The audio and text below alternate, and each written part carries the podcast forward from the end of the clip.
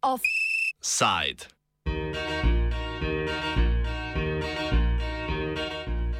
Plesala je en mandat.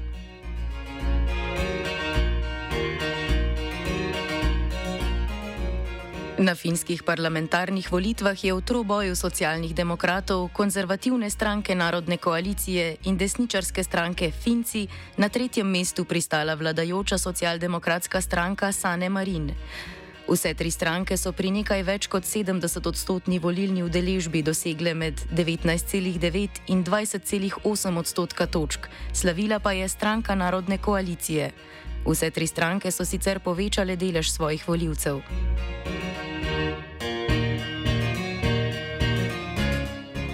V nasprotju s pričakovanjem zunanjih opazovalcev, stranke v predvolilni kampanji niso polemizirale vstopa v vojaško zvezo NATO.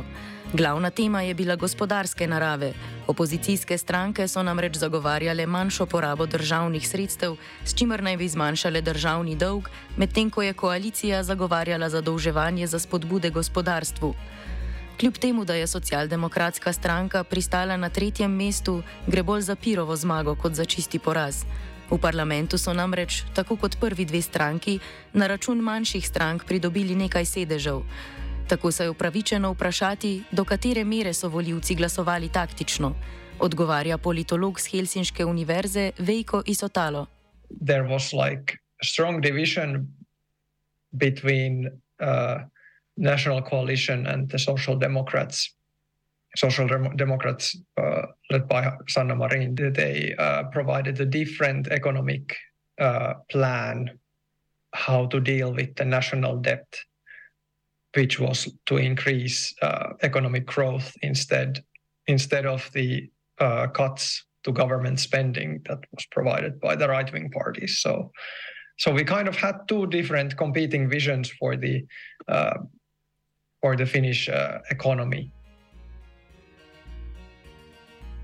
Socialni demokrati se torej za dober rezultat na volitvah lahko zahvalijo taktičnim glasovom, stranka Narodne koalicije pa ima zelo trdno bazo stalnih voljivcev.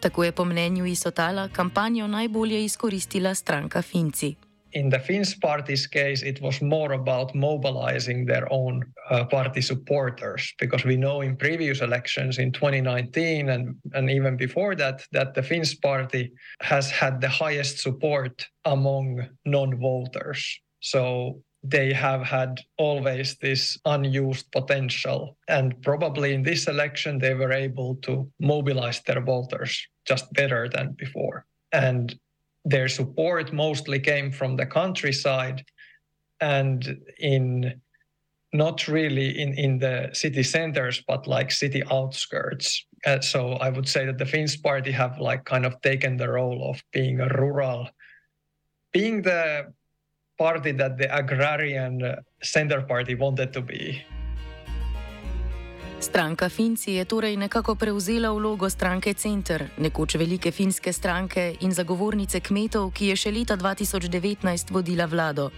Novinar portala Euronews David McDougall opiše razloge za slab rezultat. Yeah, the Centre Party are uh, now at the end of a 100 year decline, you could say. This is the lowest they've ever polled in an election. It's the lowest number of seats they've ever had in Parliament. And just today, their leader, Annika Saarikko, said she would not go into government. She wouldn't go into a coalition with either uh, left or the right based on these election results. Some of the issues are that their voters have gone to the, the Finns party, which have taken over this mantle. The, the Centre Party is an old agrarian party and did very well in Finland's countryside areas and in smaller regional cities. They don't have any presence in particular in Helsinki, the capital, for example. But they were the ones who were sort of defenders of the countryside, defenders of those kind of Finnish traditional ways of life um, that they promised to the countryside people.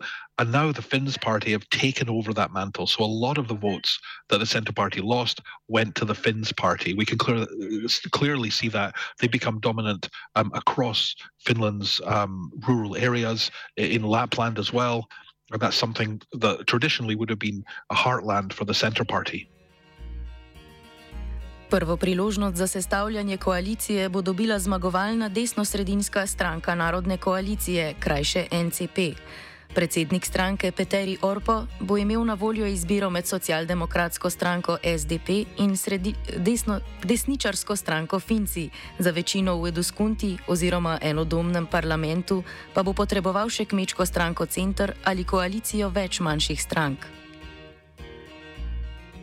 It doesn't just depend on these two parties and or there's these three parties and their compatibility. The national coalition is quite quite compatible with the Finns party. They are economically both they are econ- economically right wing. Uh, there is just a varying degree of conservatism in these parties. The Finns, Finns party is way more radical in that aspect. They are also um, they want to back down from the climate uh, goals for the industry and so on. And that's not something that the National Coalition really wants. Or backtracking in, in the EU, because the Finns party has stated before the election that their long term goal is to take Finland out of the EU, and that that is not compatible with the vision of, of the national coalition uh, for Finland. So there there are some issues with with uh, national coalition and and the Finns party in that respect in, in terms of some policies.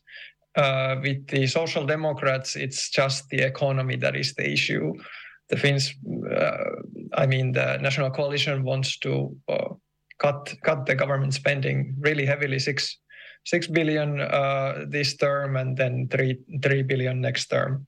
Uh, and the social democrat platform that they ran ran in the election they were saying that there is not going to be any cuts so the parties are really really far away from each other in that respect Stranka Center je danes razglasila, da ne bo vstopila v vladno koalicijo, ne glede na to, katera od strank bo v njej. Sestavljanje koalicije NCP in stranke Finci bo brez njihove podpore zelo težko, oziroma zaradi nasproti z drugimi parlamentarnimi strankami skoraj nemogoče. The center party announced that they they will not join the government. So this kind of is an inclination that they they won't play a part in in forming one, and that kind of plays out, or it kind of limits the possibilities of having a coalition of the of the national coalition and the Finns party together because they would need either smaller parties to help them get over 100 seats in the government, which is the requirement for, for a majority. And Finland doesn't really have a tradition of minority governments. So that might be constitutionally a little bit tricky to, to have a minority government. Uh, I guess practically it can technically it can be done, but it hasn't really been done in practice. So the most plausible coalition right now seems like to be the national coalition with Social Democrats, the Greens, and the Swedish People's Party. That would get uh, 114 seats out of 200. But there is a lot of ifs here because the Green Party was one of the major losers in, in this election. And their party leader leader announced already today that they will make a decision uh, will they join the talks for the potential government coalition next next week after Easter. Tako sploh ni nujno, da bo nova finska vlada desna oziroma skrajno desna. McDougall nam razloži, zakaj bi delovanje iz opozicije stranki Finci pravzaprav lahko koristilo. It could suit the Finns party not to be in government. If you're in government, you have to moderate your position somewhat. There's always negotiations to moderate a position. If you're in government, you have to behave responsibly, or at least more responsibly than if you're in opposition. But in opposition, you can be in the parliament, you can criticize from the sidelines, you can still shout at the government, and you haven't had to compromise on anything in the eyes of your supporters to get to power. Um, and you can say, look, we were standing up strongly for the Finnish people. We want tougher immigration, but they weren't willing to do that. So that's why we're remaining in opposition. That is also a possibility as well that the Finns party ends up in opposition because it suits them politically.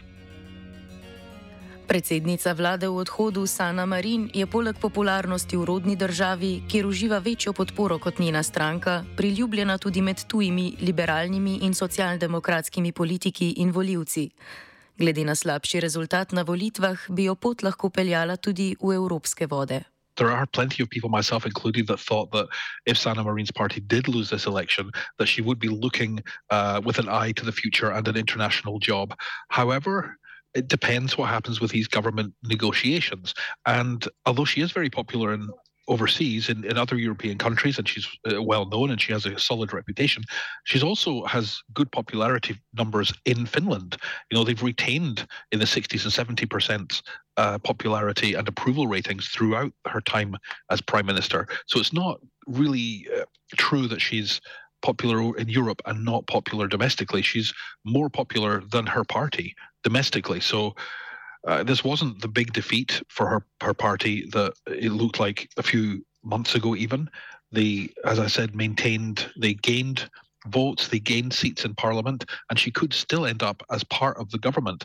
But I wouldn't be surprised if she and the Social Democrats across Europe are looking at, at the future and the possibilities of what could come next on a European level. Najmlajšo evropsko predsednico vlade bo torej najverjetneje zamenjal starejši kolega. Njegovih zabav pa mediji zagotovo ne bodo spremljali tako senzacionalistično, kakor predsedničinih. Offside je pripravil vajenec Tilen, mentoriral je Blaž.